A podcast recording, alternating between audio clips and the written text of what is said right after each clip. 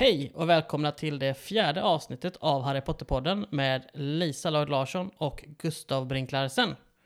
Hej Lisa! Hej hej! Hej hej! I dagens avsnitt ska vi prata om vad som hände från det att James och Lily blev mördade av Lord Voldemort fram tills dess att Harry hittades av Petunia på trappsteget utanför Number 4 Private Drive.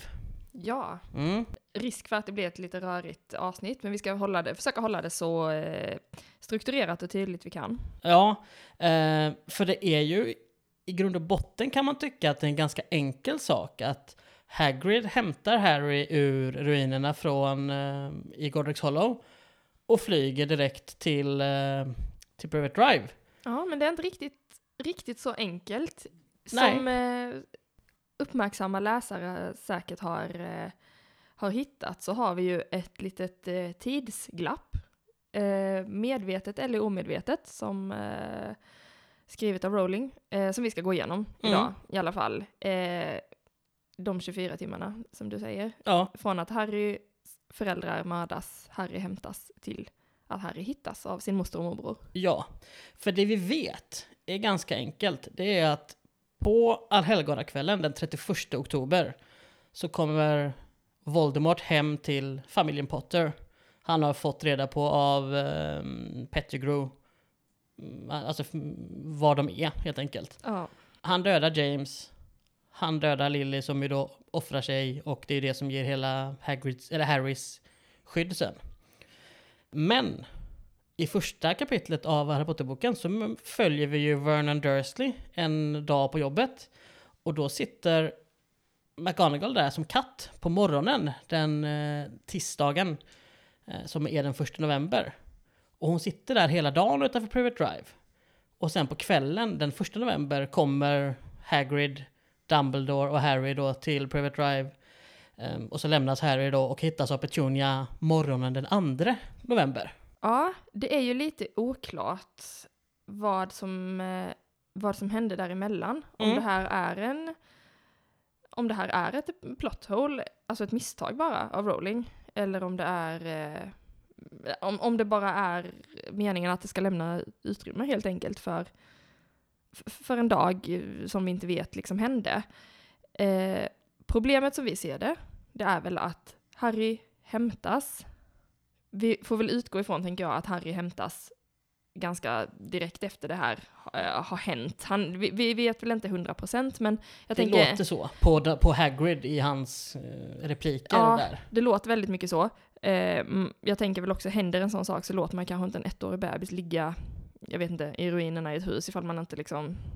Med sina Måste. döda föräldrar. Det har varit lite orimligt. Nej, det känns lite så här morbid Ja. grej. Liksom. Ja, Så jag tänker att eh, Hagrid säger ju vid något tillfälle eh, till Dumbledore att jag, jag fick ut Harry från huset innan mugglarna började strömma till, Ja. säger han. Så man jag tänker väl att det här, det hände och att folk liksom bara oj vad hände där borta, shit, och, och går dit och kollar liksom och att Hagrid hinner få ut Harry innan det blir värsta uppståndelsen. ja, för The Tänker Killing jag. Curse eh, alltså, studsar ju på, Hagrid, eller på Harry, eh, på Voldemort, men förstör ju också delar av huset. Ja, Och detta uppmärksammas ju då av folk runt omkring, för de Ja. är ju ändå i en by, precis. i någon form av stad, by, vad det nu är. Ja men precis.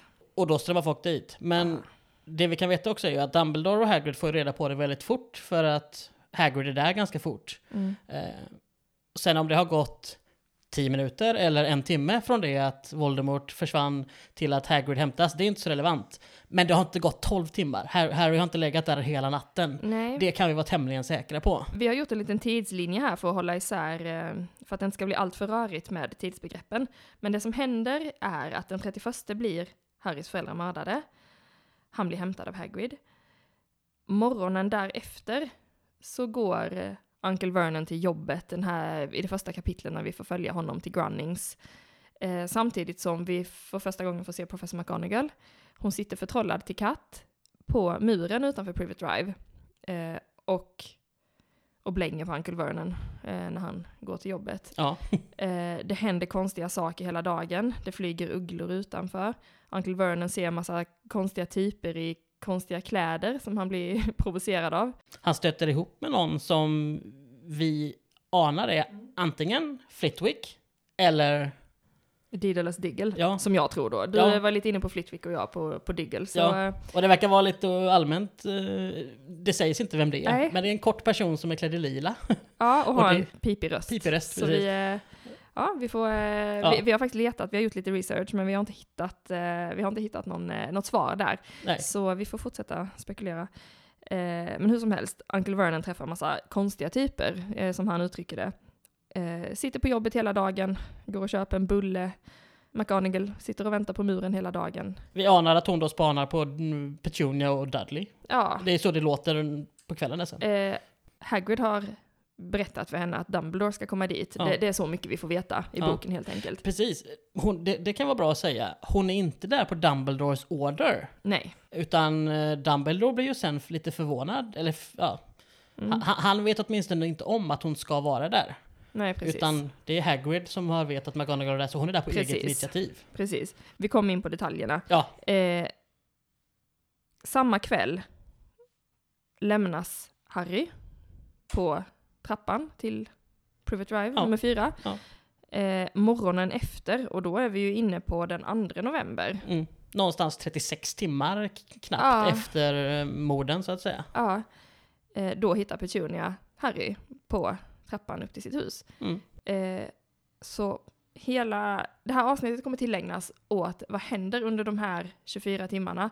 I synnerhet får man väl säga den dagen Ja, när Uncle Vernon är på jobbet hela dagen och vi får följa honom samtidigt som professor McGonagall sitter på Privet Drive och väntar på Ja. Dumbledore.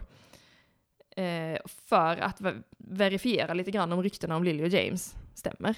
Är väl eh, det är väl det som kontentan liksom. Ja, Ja, precis. precis. Och, och vi ska då, alltså, det vi är intresserade av är, vad gör Harry och Hagrid under det här dygnet? Framförallt, även lite grann Dumbledore och sådär. Ja. Men för, om vi tar i slutet, eller i mitten, slutet av kapitel 1, när Hagrid kommer med Harry, han kommer ju med Sirius eh, flygande motorcykel.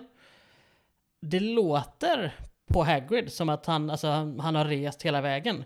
Men det är tämligen orimligt för att Mm. det, det, kan inte, det tar inte 24 timmar från där Godric's Hollow ligger Nej. till Private Drive. Precis, vi ska, vi ska klargöra för de som inte har full koll på geografin. Ja. Jag har inte heller kanske det alltid. Eh, Godric's Hollow eh, beskrivs vara en by som ligger i eh, the English West Country. Mm. Ja, men sk- engelska västkusten kan Mm. vi väl uttrycka det som. Sydväst, det är som en liten pinne som sticker ut. Ja. Eller pinne, men Ja, en men- liten ja, del av landet. Under halvö, typ. Wales. Ja, där ligger West Country.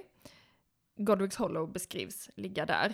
Eh, Hagrid tar sig då därifrån till Little Wingin som ligger i grevskapet Surrey. Eh, där Harry, Mm. eh, eller där Private Drive ligger och där Harry sen får växa upp.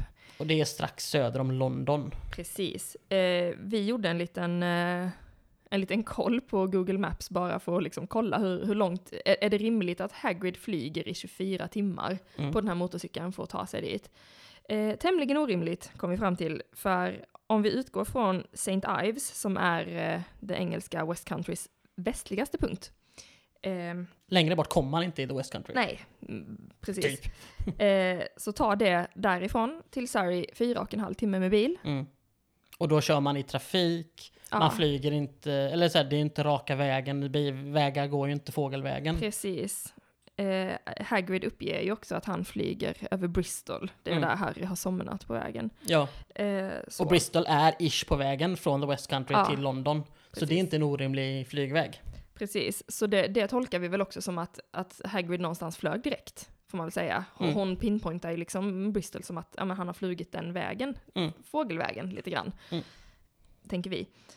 Eh, så det tog inte 24 timmar för Hagrid att Nej. flyga dit. Det, det, det, Det I kan så fall flyger han väldigt långsamt och det finns Ja. liksom ingen anledning till det. Nej, så eh, det, det eh, om mer än något, gör ju att jag tror att det här är ett, ett misstag, Ja. eh, helt enkelt, vilket gör mig förtvivlad eh, också.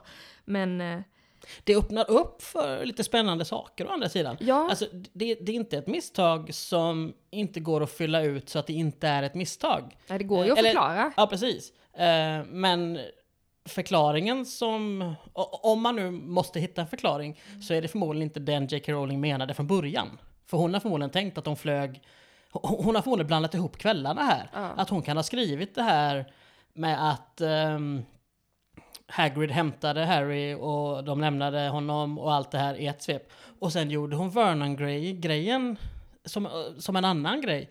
Och sen har hon inte insett att det, det, det ger en hel dag extra sådär. Ja, det blir en Eh, ologisk tidslinje på ja. något sätt, för vi ska ju, vi ska ju bara ha klart liksom så för oss att professor McGonagall kan inte sitta och vänta på rykten om Lily och James död innan den har skett, Nej, så att precis. säga. Utan det måste ju ha varit dagen efter. Ja, och det finns ingen time turner förklaring för att Hag, eller Vernon eh, träffar ju på massa folk som firar. Så att det är inte så Mm. att McGonagall hade kunnat resa tillbaka tiden 24 timmar och sitta och vänta innan det har nej, hänt. nej. Och, och, Eh, för Vernon ser ju massa folk som firar och det flyger ugglor och de pratar på mugglarnyheterna om att eh, ja.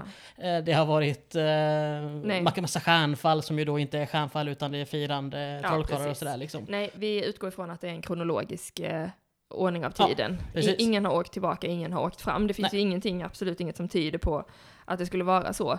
Eh, och rent logiskt så går det inte, för då krockar händelserna. Ja. Eh, så det, det lämnar ju lite utrymme för att eh, Harry vistades med Hagrid. Jag tror ju inte det, men vi har väl ändå så här, tanken är ju ändå lite mysig att eh, Har- Harry och Hagrid fick en dag tillsammans. Det är din favoritteori Ja, i det hela. ja. Vad kan ha, om vi ponerar att, ponera att eh, säkerhetsläget fortfarande är jättekritiskt. Det är oklart i alla fall, man vet Ja, ju inte. Och man det vet- finns ju massa dödsätare ute. och man vet ju inte om Voldemort har försvunnit. Nej, man vet inte ens att han har försvunnit, för ryktet går ju väldigt långsamt och fram tills Voldemort egentligen kommer tillbaka, alltså flera år, t- t- 12-13 år senare, Ja. 14, Ja, så, så vet man ju fortfarande inte vad som hände. Nej. I gemene, alltså, gemene trollkarl vet inte vad som hände och vad det var som gjorde att hans makt bröts. Så vi utgår ifrån att liksom ett ganska fortfarande osäkert liksom läge i trollkarlsvärlden och eh, en mycket mm, vi utgår väl från att Fenixorden som fanns hade väl samma utgångsläge som, som nu, att man litade inte jättemycket på trolldomsministeriet, man visste inte riktigt vad, var man hade folk. Eh, så man tänker att Hagrid som följde order från Dumbledore att hämta Harry kan ju ha fått order att ta en detour, gömma sig någonstans. Mm. Eh, det var lite din eh, favorittanke i, eh, eller favoritteori kring eh, vad som hände. Ja, min favoritteori innan, innan jag läste på att han flyger över Bristol eh, var att um, Hagrid ska ha tagit honom upp till Hogwarts, till hans stuga. Uh, och varit där ett dygn. För Hogwarts vet vi ju är den säkraste platsen, eller en av de säkraste platserna som finns. Och att... Uh, här ska vi minna, veta också bara att här finns det väldigt få restriktioner i hur bra magi som kan göras. För att det vi pratar om är att liksom den största onde trollkarlen någonsin har försvunnit. Dumbledore är kanske den största trollkarlen någonsin. Han, han vet inte vad som har hänt. Det finns liksom mer begränsningar i att eh, någon är en dålig trollkarl och att vi därför är begränsade av eh, ja, men tid och alltså, plats. Så här. Dumbledore kan säkerligen fixa en portkey och köra upp eh, Mm. Alltså fly- flyga upp folk, eller han kan apparera och allt sånt där liksom. Bara så att vi inte tror att, ja men åh, för som det är liksom i många delar av böckerna, att Hagrid, eller att Harry och Hermione och de är ja, men sämre trollkarlar och, och så. Den begränsningen finns ju inte här, för här pratar vi om top notch trollkarlar. Ja. Eh, mer eller mindre. Ja, alltså allting som är möjligt att göra med magi fanns tillgängligt så att säga, för det var ändå Dumbledore som drog i trådarna. Ja, det är, liksom. han, det är Så- han som är orkesterledaren här liksom. Ja, så det får vi väl utgå ifrån. Ja, och då var min teori att ja, men då kanske Dumbledore har skickat upp Hagrid tillsammans med Harry till Hogwarts. För att vara där tills han har hunnit kolla upp mer. Så att han har hunnit få lite mer koll. Vad är Voldemort istället? Eh, är han verkligen borta? Är James och Lily, de är döda. Vad ska vi göra av Harry och alla de här sakerna? Och sen tar det ett dygn och då har Dumbledore bestämt sig för att han ska till sin moster. Mm. Och att det är då Hagrid kommer igenom dit. Men det är ganska orimligt att han tas till Hogwarts som ligger uppe i Skottland. Om han sen flyger över Bristol. För att Bristol är på vägen mellan eh, the West Country och London, alltså Little Wingin. Ehm, och då är det ganska orimligt att han ska upp till Skottland, sen ner, flyga över Bristol och att hon ska nämna just att Harry somnade över Bristol. Nej, precis. Och det är det, som, det är det som får mig att tro mer än något att det är ologiskt att tänka att Har- Hagrid tog Harry någon annanstans. Ja. Men som sagt, då måste han ju ha flugit jäkligt sakta. Ja, Eh, det är ju ett väldigt långt glapp i tiden här. ja. Vi har ju, eh, vi har sökt jättemycket, andra har sökt eh, mer tror jag, Mm. på vad, vad som hände. Man har letat lite grann efter något så här uttalande från eh, Rowling om, om det här glappet på 24 timmar som eh, uppstår då i första kapitlet. Vad, eh, vad gör Harry under tiden som professor McGonagall sitter och väntar? Och det närmsta vi kom var väl till att hitta, hon dodgar frågan Ja. väldigt mycket.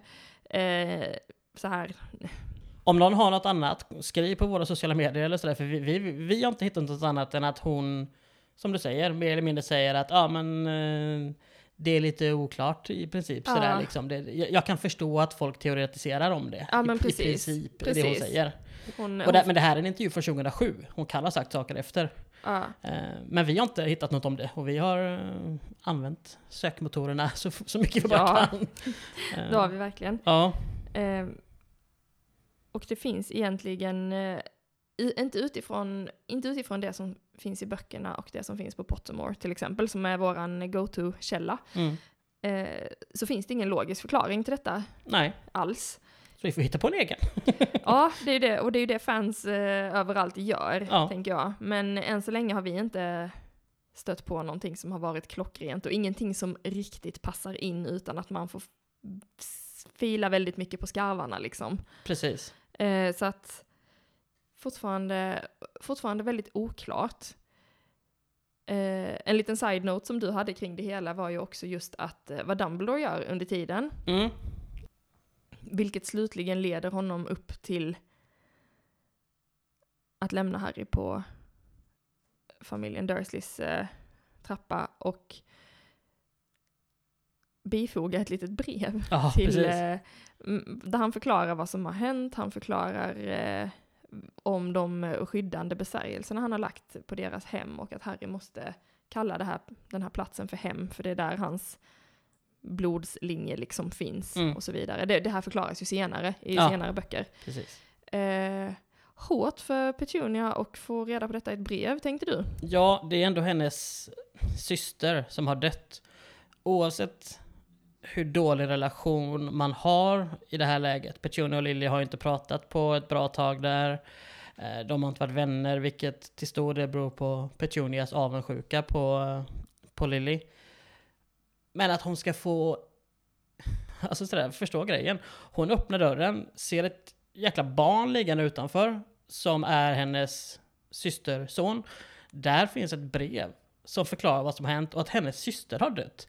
Det är ett fruktansvärt dödsbesked att få.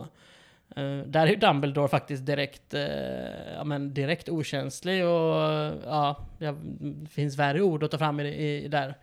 Um, så det, det tycker jag verkligen är, är riktigt, riktigt dåligt gjort av honom. Uh, jag menar, dödsbesked i, i vanliga världen, då får man ju liksom om någon blivit mördad, då får man ju en polis och en präst och det kommer hem folk och liksom så att ta hand om en och, och det erbjuds stöd. Här kommer ett brev och bara ta hand om den här pojken nu och jag Ja. har skyddat er från, eh, eller honom från, från onda trollkarlar. Ja. Och så är det ingenting mer. Nej, jag själv som jobbar med eh, barn som blivit omhändertagna kan ju känna att det känns ju extremt oansvarigt att lämna en sovande ett och ett halvt åring Ja. eh, ute Ja. på någons, och det här var ändå i november, Ja. ute på någons typ trappa i ett bylte med filtar liksom. Ja. Jag känner hela den grejen är ju, eh, ja. Ja, och så här, här går det ju då, om man vill så kan man lägga in att ja men Dumbledore har väl lagt någon liten värmebesvärjelse på de här eh, filtarna och försatt Har- Harry i någon lite mer magisk sömn så att han inte ska vakna. Det, eftersom att vi har med magi att göra så går det ju att förklara på det sättet. ja men, efter, Men- eftersom det inte förklaras Nej, precis. så blir man ju lite, det är lite oroväckande. Ja. Men eh, ja, Jag tycker ju att det, det finns en möjlighet att, att, att göra en short story om de här 24 timmarna liksom. mm. Vad har hänt? Eh, för vi vet då, de blev mördade. Hagrid är åtminstone först in, hämtar Harry och han försvinner från, alltså han träffar ju Sirius där också och får ju Mm. motorcykeln. Han vägrar lämna Harry till Sirius trots att Sirius är gudfarsan. Eh, och i det här läget vet ju inte då de att, så, de vet inte att Sirius är skyldig, vilket de ju sen får reda på att han inte är. Nej, Men han anses ju vara skyldig till det här eh, i, i 12-13 år innan han Ja. blir friad. precis. Vilket Hagrid inte vet. Nej, han vet, han vet ingenting vid av det. Nej, precis. Eh, han flyger iväg därifrån och så har han 24 timmar med Harry där han tar hand om honom, måste han göra på något sätt. Ja, Ehm, det är väl, det är nog det enda, det är nog det enda utgången här som jag hade kunnat acceptera tror jag. Jag vägrar att jag, liksom acceptera att det här är ett plot hole. Även om allting tyder på det just nu. mm, Eh, så ifall J.K. Rowling kunde vara så snäll och fylla ut detta med en av sina de här minihistorierna som hon eh, eh, har skrivit mm, eh, om vad Harry och Hagrid gjorde under de här 24 timmarna mm. skulle jag vara så tacksam. och jag tycker också att det skulle tillföra lite, det skulle tillföra en, en, ett ytterligare lager på Harrys och Hagrids relation. Ja, precis. Även om det kanske skulle vara lite konstigt att det här dygnet aldrig nämndes eh, senare i någon av Har- Harry och Hagrids eh, konversationer. Men strunt samma. Jag hade, det hade kunnat lappa ihop det för mig, men just nu sitter man här med 24 timmar som fattas och... Och, och du känner att det är 24 timmar som fattas. Du, du lägger inte in det på egen hand i, i din fantasi att någonting har hänt här och bara accepterar att det är så här.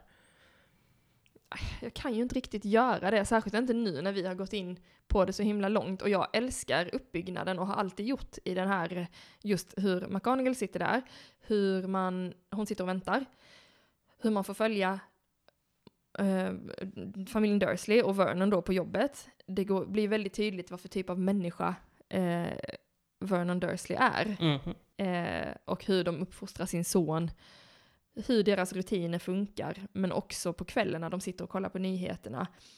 Eh, ska han våga berätta för Petunia att han har hört folk nämna hennes systers namn på stan, liksom att, att det skvallras och har viskats, liksom så som han själv har hört. Och att hon svarar väldigt snäsigt, liksom att nej men så här, varför undrar du? Typ, jag har inte hört något från henne, varför frågar du? Eh, och att de brukar låtsas som att hon inte har någon syster. Mm. Så hela den här uppbyggnaden är så fantastisk. Men så fattas det ju en jättestor bit. och Jag känner bara så här, okej, då vill jag ju veta vad gjorde Harry under den här tiden. Jag vill ju, det ska vara komplett på något sätt. Så Ja. jag kan inte riktigt acceptera det. För mig hade det varit värre om det hade varit tid som saknades. Mm. Att, eh, att det gick för fort. Att, vi, att, att de hade påstått att de stod på kvällen, kanske där den 31.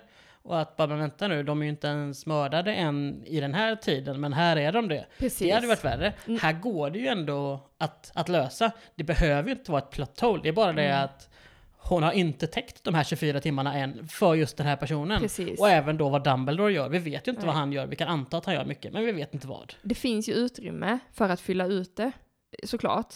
Men problemet för mig är ju lite grann att det väldigt mycket låter som på Hagrid när han kommer kvällen efter och Mhm. lämnar Harry då. Som att han kommer direkt från Godric's Hollow. Och, och, det, och, det låter som att, och det låter inte som att det har gått 24 timmar. Det Nej. låter som att det har gått en timme eller två. Precis. För att han fick ut honom och han var säkert vaken och så somnade han över Bristol. Alltså det, Ja. det är en relativt kort resa. Ja, Alltså, Hagrid beskriver. Eh, Ja. Även om man inte beskriver det utförligt så det är det man läser in i vad som sägs. precis. Så på Hagrid så låter det som att, och det här är problemet för mig liksom, eller för oss alla. Eh, Ja. På Hagrid låter det som att han kommer precis från Godric's Hollow, har flugit några timmar förmodligen, Harry somnade över Bristol, men allting har gått bra. Mm. Så.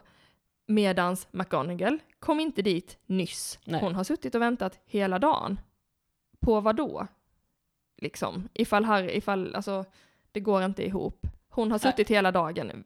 Ugglor har flugit hela dagen. Vi har följt eh, Vernons eh, små så här kon- konstiga små sammanträffanden med magiska människor hela dagen. Men på Hagrid låter det som att han precis kom därifrån. Mm. Medan det i själva verket då har gått, ja kanske inte exakt 24 timmar, men, men ett dygn mer eller mindre. Från den 31 oktober till den 1 november. Där vi inte vet vad Harry var under hela dagen och det stör mig. Mm. Sen går det att fylla ut, det finns möjlighet för J.K. Rowling att bygga upp det här med en förklaring, eller bygga ut det. Men det har inte gjorts än så länge, och så som boken är skriven, skriven för att de olika karaktärerna refererar lite grann till olika tid. Mm. McGonagall säger att eh, hon är stel för att hon har suttit på en mur hela dagen. Och Dumbledore har passerat ett dussin fester på sin väg till Privet Drive. Men på Hagrid låter det som att han precis kommer från Godric's Hollow, Mm. som sprängdes upp för 24 timmar sedan. Ja, där är ju det stora problemet. Det är det stora problemet och det är det som gör det väldigt svårt att fylla upp det också. Men visst, det går. Men jag, jag, jag skulle vilja ha en väldigt bra förklaring till detta, för jag, jag vill inte acceptera att det här är en miss i protokollet liksom. Nej. Det stör mig något oerhört. Vad skulle du vilja ha hänt? Om vi till exempel tar bort den här grejen med att han somnade över Bristol.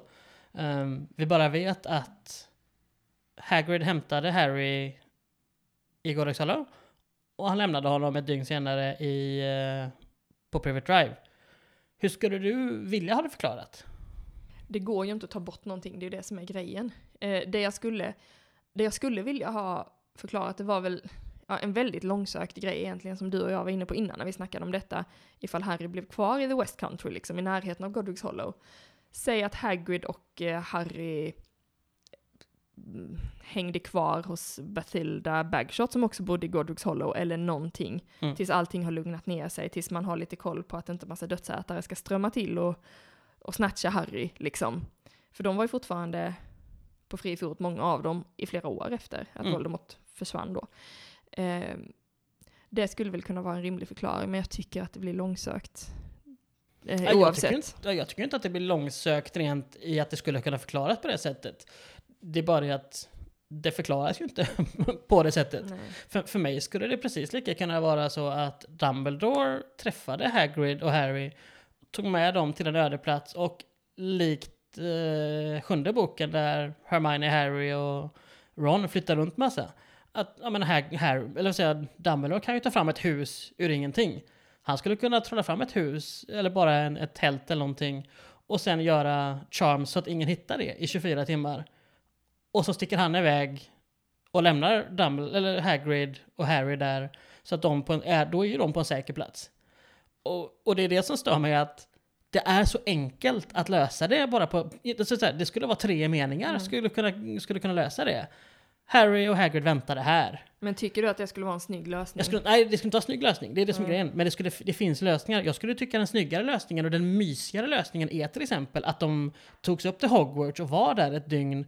eh, och så, så att vi vet att ja, men då har Harry faktiskt varit på, på Hogwarts redan Mm. som barn. Och sen är han borta i tio år då från Trakarsvärlden innan Hagrid är den som introducerar honom igen. Det skulle Mm. bli en så jäkla fin eh, Ja. connection. Ja, det skulle kunna vara en symbolisk Ja. eh, snygg grej. Det skulle det. man skulle behöva skriva om någon mening här och var genom Mm. böckerna. Och, och sånt har inte jag några större problem med.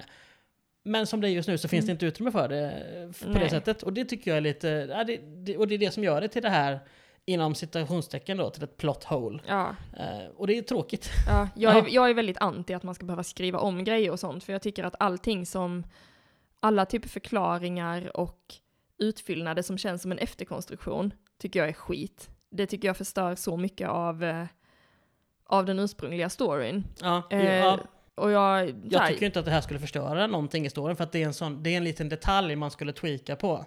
Och det, jag menar... Ta i Sagan om ringen, eh, första versionen av Bilbo. eh, Nu, för er som inte kan Sagan om ringen så ber jag om ursäkt. Men hu- hur Bilbo får ringen av Gollum är i ursprungsversionen av Bilbo, alltså boken Bilbo, ett helt annat sätt än vad det är i en omskriven version. För att det passar inte ihop med hur ringen sen var i Sagan om ringen. Alltså, författare kan ändra på saker och det kan fortfarande Ja. bli ganska bra tycker jag. Jag tycker inte att, för, för mig är liksom inte, det behöver inte läsas som en bibel, att det som står, det står och det får man inte ändra. Jag är öppen för att tweaka på saker. Det får inte påverka grund, alltså main storyn och liksom en person som kanske dör på ett ställe dör helt plötsligt inte. Sånt blir bara fånigt tycker jag liksom när det ändras. Men när det är så här små saker så har jag inga problem med att man ändrar och tweakar saker. Mm. Och det hade ju såklart kunnat, det hade såklart kunnat förklara en del och lösa en del sådana här hål lite snyggare. Men jag, jag har skitsvårt för det. För mig, Mm. Ja. för mig är det ju Bibeln. Liksom. Ja, precis. Ja, men där är vi väldigt olika. Ja, jag, jag kan inte liksom så här, skulle, skulle Rowling då göra en Tolkien och bara ändra helt, eh, Ja, men ändra en detalj En- så, ja, som, här, som gör att det passar ihop bättre sen liksom. ändra en sån pass stor grej i en bok så som när Bilbo får eller tar ringen av Gollum. herregud, jag hade ju fått läggas in. Hade fått Och ändå du Sagan om ringen väldigt mycket. Fast det finns ju en anledning till att jag sitter och poddar om Harry Potter och Sagan om ringen. Sant. Klarar inte av sånt. Så, att, eh, så, så jag tycker visst, det, det hade kunnat lösa just det här lilla då, hålet i, eh, i eh, kapitlet väldigt bra. Mm. Eh, men, oh, för mig hade det, va- det hade varit, eh, det hade samtidigt varit ett sånt jäkla nederlag på något sätt. Jag hade tyckt det var så osnyggt ifall det Ja. skulle behöva skrivas om för att det här ska passa. Ja, ja men jag, jag, jag förstår precis vad du menar. Det, det hade varit en, ett, ett, ett, oh. Ja, shit jag mår dåligt nu. Ja, nej, men jag, jag, jag förstår, jag köper att du, att du känner så. Ja, tack. Eh, det är okej, du Ja. får tycka så. Tack. Ja. Ehm, en annan grej, uh, men en så här, liten detalj som man kan undra över det. Varför tas inte Harry till St. Mungos? Han har ändå fått en killing curse på sig. Han är den första, vad man vet, som har överlevt en killing curse. Mm. Och att ett sjukhus hade ju varit en tämligen Ja. rimlig sak. Tänk att han måste ha skitont. Ja, Alltså så ont som han bara kan få i sitt ärr flera år efter. Tänk så när han fick det. Det måste Ja. ju varit som en smocka i, ja, av Guds nåde. Ja. Men, ja, men alltså så här, det måste ju vara någon form av tortyr, alltså sådär Ja. att, att få den att rebounda. Och sen visst, han har skydd av Lily sådär, men det är ändå en killing curse. Det är inte som att få en liten smekning tänker jag. Det, det, Nej. Det rätt, är... rätt i huvudet med. Ja, Det precis. måste gjort skitont. Ja, Men eh, ja, jag, jag, vi snackade om detta lite innan och jag spekulerade ju lite fritt i att Dumbledore själv, jag, dels så som du sa, att eh, man hade väl kanske inte riktigt, St. Mungos är väl ändå någon form av eh, eh, myndighet som faller under trolldomsministeriet, tänker jag. Det är jag det sjukvården fall. liksom. Ja, ja, Gissningsvis tänker vi så. ja. Eh, eh, man vet väl inte där och då hur korrupt eh, St. Mungos eventuellt kunde vara. Eh, och Harry var ju väldigt mycket fara. Dumbledore säger ju vid något tillfälle att, eh, att det, det det var kanske inte många som förstod i vilken fara Harry fortfarande svävade efter att hans föräldrar mördats och Voldemorts makt på något, slags, på något slags sätt bröts. Men det var ju fortfarande ett väldigt kritiskt läge liksom och man kanske inte litade fullt ut på, på St. Mungos som, eh, som institution. Men också att Dumbledore själv, och det får vi veta mycket senare, eh, växte ju upp med eh, en syster som hellre gömdes i hemmet än att låsas in på St. Mungos för att man kände inte förtroendet för att man skulle få behålla Ariana i, i hemmet utan hon skulle låsas in på samma avdelning som typ Nevilles föräldrar och Lockhart och alla galningar hänger på liksom. ja.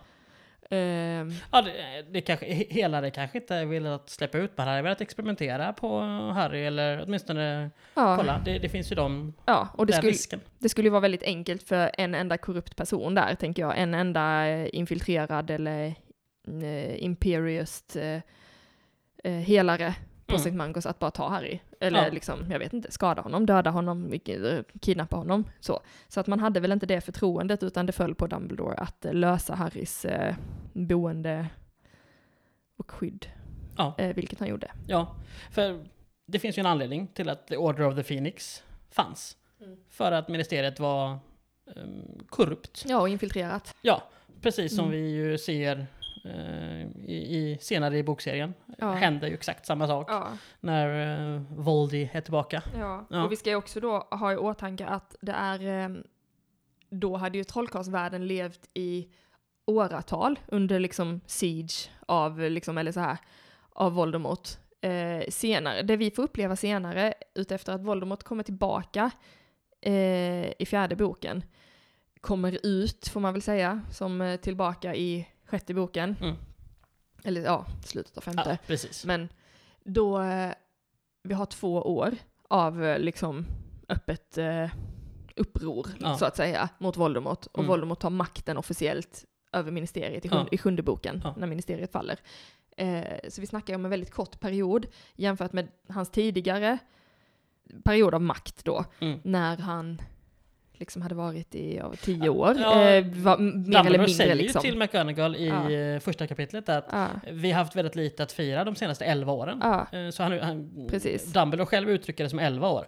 Och sen har ju, och då har ju Voldemort ändå varit farligare Alltså han har ju funnits mycket längre och varit farlig. Ja, Men han har ju då på något sätt varit vid någon form av maktposition i Ja. 11 år. precis. Ehm, och det är ju ganska länge. Ja, det är väldigt länge, så man tänker ju att förståelsen är ganska stor från, oss andra, liksom, för att man kanske inte litade fullt ut Nej. på institutioner som Sankt Magnus, som Trolldomsministeriet och liknande, Ja. utan att det föll på Dumbledore, ledaren av uh, Fenixorden, att skydda Harry, som var i så pass stor eh, fara. Ja.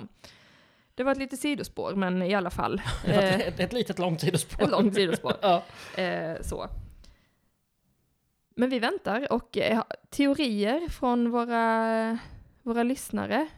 Teorier, fakta, Mm. tankar, åsikter, allt. Har ni hört något annat som Rowling har sagt som vi har missat? Ja, Mm. vi... Eh, Enlighten us. Ja, upplys oss gärna. Vi Ja. är jätte, jätteintresserade av just detta ämnet. Ja. Vi har pratat om det hela dagen innan vi satte oss här Ja, och började in också, ska tilläggas. Ja. Och några veckor innan dess. ja.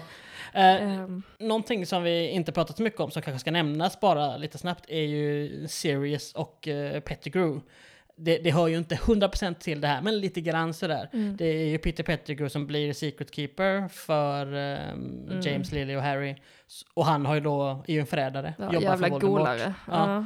Ja. Ehm, så han är ju den som avslöjar. Yes, Eh, det det. är han. Uh, Sirius ger sig iväg efter honom. Pettigrew spränger en gata där 12 mugglare dör och skär av sig fingret och försvinner. Ja, precis.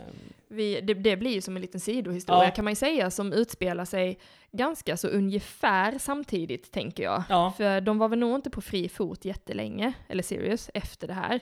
Han lånar ut sin motorcykel, eller ger bort den till en icke ont anande Hagrid. precis. Ehm, som, ja, Mm. han, han vet ju ingenting. Nej. Vad som egentligen har hänt, eller tros ha hänt. Sirius Eh, säger väl bara någonting med att jag kommer inte behöva den mer. Eh, för att han ska ge sig efter Pettigrew. Sådär. Hagrid eh, säger ju vid, vid tillfället när han har lämnat Harry på Private Drive, ja, jag, ska, jag måste sticka för jag ska lämna tillbaka Sirius motorcykel till honom. Mm. Oklart huruvida han gör det eller inte. Ja, det gör han ju inte.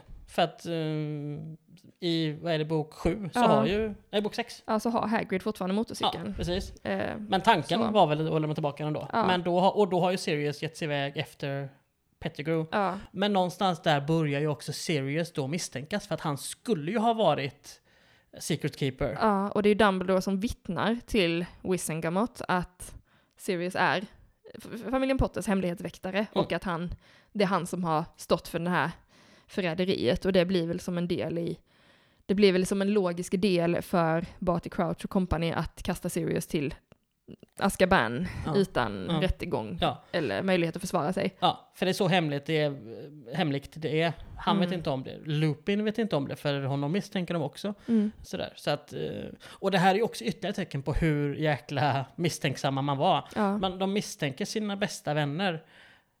Och en av James bästa vänner är det ju som förråder dem. Så att de Ja. har ju rätt att misstänka folk. De Ja, misstänker verkligen. bara tyvärr fel människa. Ja, precis. Och eh, sätter sin tillit till fel person Ja. också, vilket får de här Ja. konsekvenserna. Ja. Eh, Nej, men så där försvinner ju Pettigrew då, och hamnar ju till slut hos eh, familjen Weasley. ja, Eh, men samman, det är ju en annan... sammanträffande. Ja, precis. Men det är ju en senare, Ja, en senare grej. ja Mm. Har vi något mer att säga om det här egentligen? Det känns som att vi... Nej, vi svävar i samma ovisshet som vi gjorde när vi började. Ja, precis. För det är lite så.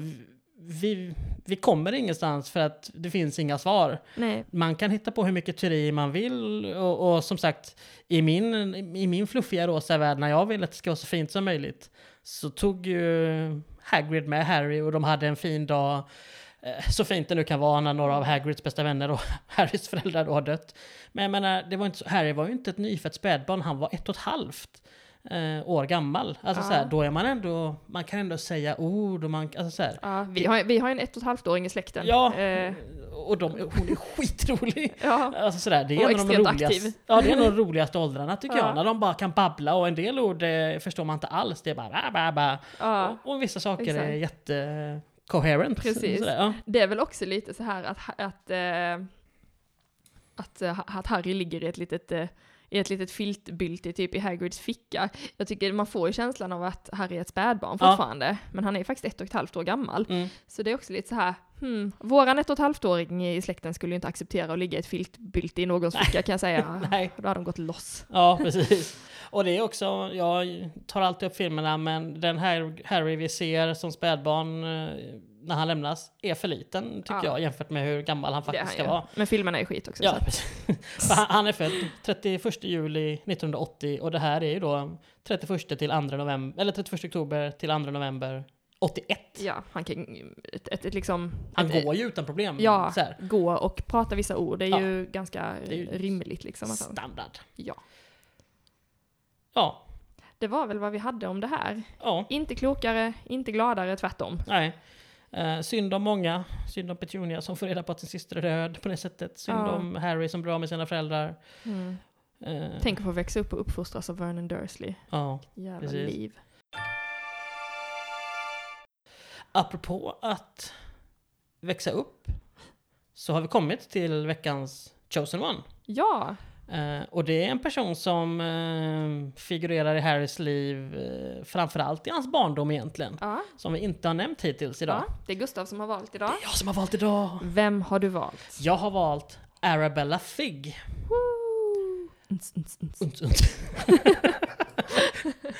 Arabella Figg är ju... När vi möter henne så är hon ju bara en tråkig kattant, mer eller Mm. mindre. Hon är mig om 40 år typ. Hon är Lisa om två och ett halvt år. Ja, Hon är äldre, vi vet inte exakt hur gammal tror jag. Nej, Någonstans nej. 70 tänker man. ja. Eller tänker jag, förlåt. Ja, jag ska inte säga vad ni andra tycker. Ehm, hon passar Harry när The Dursleys är, eh, ja men de gör olika saker. ja. Till exempel... eh, Van, vanligtvis på Dudleys födelsedag. Ja, precis, precis. Så man får veta. Ja, eh, då får Harry vara en dag hos Figg. Eh, och hon, han tycker att det är så tråkigt. Mm. För att hon visar bara bilder på, på alla katter. Hon någonsin haft. Ja, och det verkar vara ganska många. Hon har ju typ så fem katter åt gången. Ja, Tufty och ja, Tibbles Ja. och precis. Mr Paws. Ja, och det luktar väl konstigt, eh, har jag för mig att de säger. För det, Ja, det luktar väldigt mycket katt Ja. i hennes eh, hem och eh, så vidare. ja. Ja, nej, de, vi får ju veta sen att Mrs Figg är en medlem av eh, Fenixorden. ja, hon är en... Eh, Eh, Originalmedlem. Ja, Mrs Figg är också en ink. Ink heter det. Tack, Eller en squib. squib. Ja, precis. Eh, det vill säga en person född av magiska föräldrar, men som Mm. själv inte har några magiska krafter. Precis. Vi har ett annat exempel på en väldigt, eh, på en person som är det i boken. Ja. August Filch. August Filch är en gode. squib. Ja. Tänker också, vi, vi behöver ha ett, ett avsnitt om, om ynkar, Ja. eller om squibs Ja. eh, framöver, för det, det är en väldigt, eh, här, det känns som väldigt outforskad mark. Verkligen, Eh, man kan ju göra som Filch, eh, han har ju, alltså det nämns ju vid något tillfälle att att eh, ynkar ofta uppmuntras att liksom integreras i mugglarvärlden. Mm. Filch har ju inte gjort detta, uppenbarligen, Nej. eftersom han är på typ världens mest magiska plats. Han är vaktmästare på Hogwarts.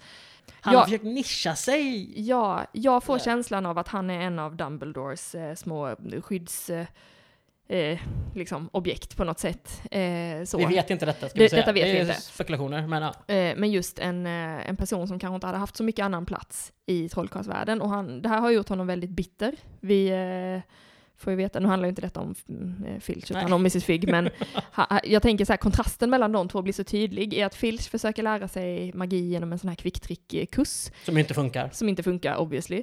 Medan Mrs Figg är så pass integrerad i den magiska världen att hon att hon är med i Fenixorden. Ja. Verkar stå Dumbledore hyfsat nära, tänker jag. Väldigt Hon verkar integrerad i båda världarna. Liksom. Ja, och jag tycker att kontrasten är så himla stor för att hon har verkligen, hon har ju anammat att hon inte har några magiska krafter. Hon säger ju typ till Harry vid något tillfälle liksom att jag har inte ens, jag har inte så mycket som förtrollat en tepåse. Nej, precis. Så, utan hon, hon accepterar detta. Mm. Men, eh, men är någonstans, har en fot här och en fot där. Eh, och det tycker jag är så himla fint. Mm. Men också synd, för hon, hon medger ju själv också att hon, hon, hon kunde inte låta Harry trivas hemma hos, hemma hos henne, för då skulle Dursleys aldrig unna honom att vara där. Nej, om det- han kom hem och haft en jättebra dag hos Fig, då skulle Ja. de sätta honom hos någon ännu värre Ja, de typ dagarna de Marge. är borta. Ja, Eller någon. ja precis. Eh, Mm. vad vi vet, vi, vi vet ju inte om Filch är med i Fenixorden, det sägs väl inget om det och det verkar ju inte så. Så vad vi vet är ju Fig då Mm. den enda squibben som är med i uh, Fenixorden. Ja. Ehm, hon vittnar ju också till Harrys fördel i boken Mm. eh, Harry Potter och Fenixorden. ja. eh, om att hon har sett dementorsattacken som sker i början av den Mm. eh, på Harry och Dudley. Mm. Jag är lite osäker på om hon ljuger att hon har sett. Kan hon egentligen Ja. se dementorer? Det framgår ingenstans ifall Nej. Inka kan se dementorer. Och jag tänker, det som talar för, det är väl att alltså Filch jobbar ju på Hogwarts, som för mugglare är osyn, osynligt. Man ser Mm. Ja. en gammal ruin Ja, precis. med en skylt att liksom tillträde förbjudet typ, eller risk för ras eller något sånt Ja, där. det är så det står. Ja. Eh, men han jobbar där, bor där, sover, äter, eh, så. Han kan uppenbarligen se Hogwarts. Han kan uppenbarligen se Hogwarts. Eh, oklart om han kan se dementorer, men han måste ju kunna se andra, andra mm, magiska varelser, tänker Han måste jag. kunna se typ husalverna och sådär. Det känns det ju inte Ja, som att han några problem att precis. se. Så det talar väl lite grann för att Mrs Figg skulle kunna se en dementor. Mm. Men det som talar emot är väl att så som hon beskriver dem i Harrys åsikt är ju väldigt mycket en person som har fått en dementor beskriven för Ja, sig men aldrig har precis. sett dem själva. Ja. Det, det är ju det vi kan utgå ifrån, för det är väldigt oklart. Det Ja. framgår ingenstans. Nej. Hela hennes framträdande i den är verkligen så, som en person som är nervös och som, som kanske har fått berättat för sig att du- måste säga det här för att rädda Harry. Och Mm. jag, det här är min, vad jag tror. Jag tror ju att Dumbledore har instruerat henne och, och bett henne ljuga helt enkelt. Ja. För att rädda Harry på det sättet. Ja. Eh, jag tror inte att någon av dem har några problem att ljuga för ministeriet i det läget som de är i där. Nej, gud nej. Eh, Det var ju väldigt, eh, väldigt Ja. kritiskt Ja, läge. Liksom, ja. Hade Harry inte haft ett vittne så hade han varit körd. Ja. Och vad som händer med Arabella Figg sen, det är vi inte heller helt, eh, helt på det klara med faktiskt. Ehm, vi tror inte att hon är med i The Battle of Hogwarts just för att hon inte har några magiska krafter. Så Nej, det hade väl varit väldigt orättvist ska att hon ta med sina katter och skicka dem på dem? Det ska inte vara så schysst mot katterna. Åh nej. Nej. Så att eh, det vet vi inte. nej. Men Figg är ju en person som växlar, eller hon byter ju från att man tycker att hon är svinjobbig och bara en tråkig person Mm. att ha att göra med. Så blir hon för mig någonstans, alltså hon är lite, det är lite kraft i henne i början av Ja. femte boken där. Eh, när hon, eh, hon, hon möter Harry efter dementorattacken. Ja. Hon säger att "Nej, men behåll trollstaven framme och sådär liksom. Ja, hon nitar Mandangus Fletcher med Ja. sin väska där hon har kattmat i. Ja men precis. Så att eh, hon verkar vara lite av en krutkärring ändå. Och, och det gillar jag. Mm. Krutkärringar gillar man liksom. Ja, absolut. Eh, Hon blir lite av en hjälte i boken från att bara ha varit en bikaraktär. ja, precis. Eh. Och det är fantastiskt tycker jag. Ja, hon Jag får sina Mrs. 15 Figg. minuter liksom. Ja, Ja. precis. Eh, ska ju tilläggas, hon kom ju faktiskt in till trolldomsministeriet också. Jag tänker, hon är ju där på förhöret. Ja. Så eh, det, det är ju också en sån grej som gör, liksom, kan hon se hela den byggnaden och alla magiska grejer där inne som florerar men inte dementorer? Nej. Vet ej, vi ska forska i detta. Ja, vi, vi har forskat och inte hittat något än, men vi ska Nej. fortsätta. Vi ska fortsätta. Eh, och igen, vet ni bättre än oss, mejla oss eller eh, skriv på sociala medier Ja. eller håll det för er själva, det gör ni hur ni vill. Nej, kontakta oss. ja, precis, vi vill gärna veta. Ja, vi vill veta. Ja, Ja. Eh, det var det. det var det. Känns, känns som det här gick fort. Ja, det gjorde det. Ja, men eh, det, nu är det över är det för över. idag. Ja. Fjärde avsnittet av Harry Potter-podden. ja, Mm. tack så mycket för att ni har lyssnat. Tack så mycket. Ehm, ja, vi har sagt det redan. Ni kan kontakta oss på våra sociala medier. Ja. Vi heter Harry Potter-podden på Instagram, på Facebook. Harrypotterpodden at gmail.com Mm. finns också. Ehm, vi är lite grann en del av något som heter Poddfederationen i Göteborg. Ehm, är du intresserad av att starta en podd, sök upp Poddfederationen på Facebook, för vi vill jättegärna bilda, få med ännu fler poddar där. Vi vill nätverka. Vi vill nätverka, precis. Eh, Så gör det. Eh, Det finns en grupp som är sluten men det är bara att ansöka om medlemskap. Mm. Eh, Och som sagt, kontakta oss om ni vill något så eh, hörs vi igen om eh, två veckor tror jag. Det gör vi. Ja, tack så mycket. Ha det. Hej! Hej.